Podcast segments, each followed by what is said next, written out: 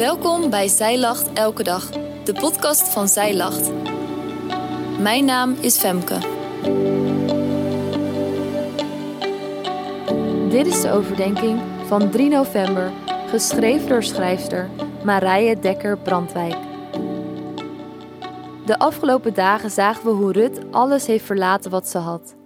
Naast dat ze iemand is uit een ander land, is ze ook nog eens weduwe, wat haar positie nog meer verslechtert. Ze is in een kwetsbare situatie terechtgekomen, maar God heeft gezien dat Rut voor hem gekozen heeft. Hij ziet haar hart en weet wat ze nodig heeft.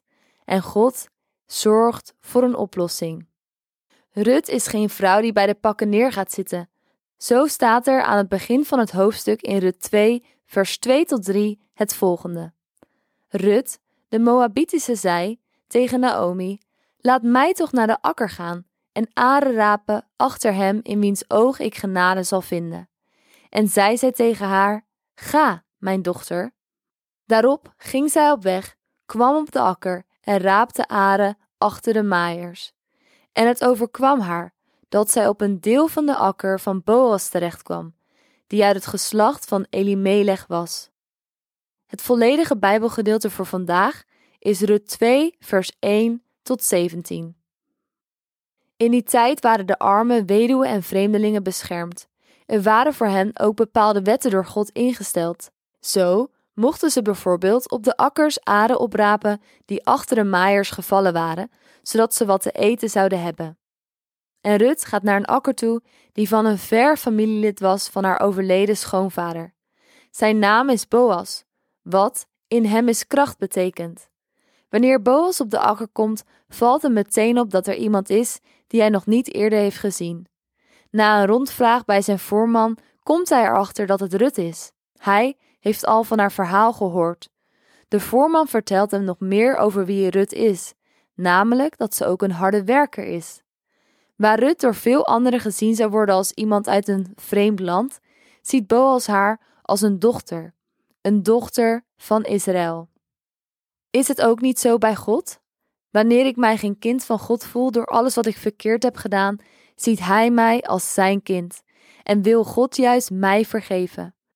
Boas zegt dat Rut achter zijn arenrapers mag lopen, wat zorgt voor een nog grotere opbrengst.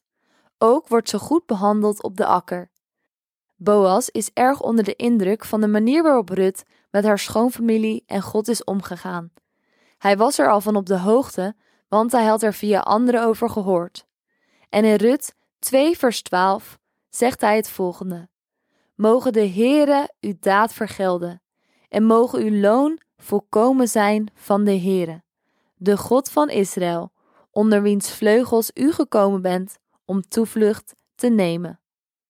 Boas laat zien dat hij Rut niet ziet als een vreemdeling uit een ander land, maar als iemand die onder Gods vleugels toevlucht zoekt. Zij hoort ook bij het volk Israël. Dit laat hij nog meer zien wanneer hij haar uitnodigt voor een maaltijd bij hem thuis. Rut hoort echt bij de kring van Boas. Boas geeft na de maaltijd zelfs speciale toestemming aan Rut, zodat ze op een plek kan rapen waar het eigenlijk niet mag. Ook zegt hij tegen zijn werknemers dat ze af en toe wat moeten laten vallen. Waar Rut aan het begin van de dag kwam als iemand zonder eten, gaat ze aan het einde weg met volle manden terug naar Naomi. Deze geschiedenis laat zien hoe Gods hand in alles werkt. En deze ontmoeting tussen Rut en Boas is nog maar het begin van een bijzondere geschiedenis. Het toont hoe God kijkt naar mensen die aan de rand van de samenleving lijken te staan. Hij zal altijd naar hen blijven zien.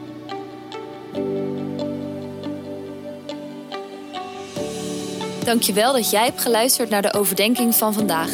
Wil je de overdenking nalezen? Check dan onze website.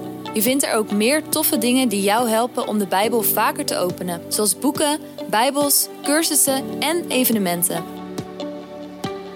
Morgen ben ik weer bij je terug met een nieuwe overdenking. Tot dan!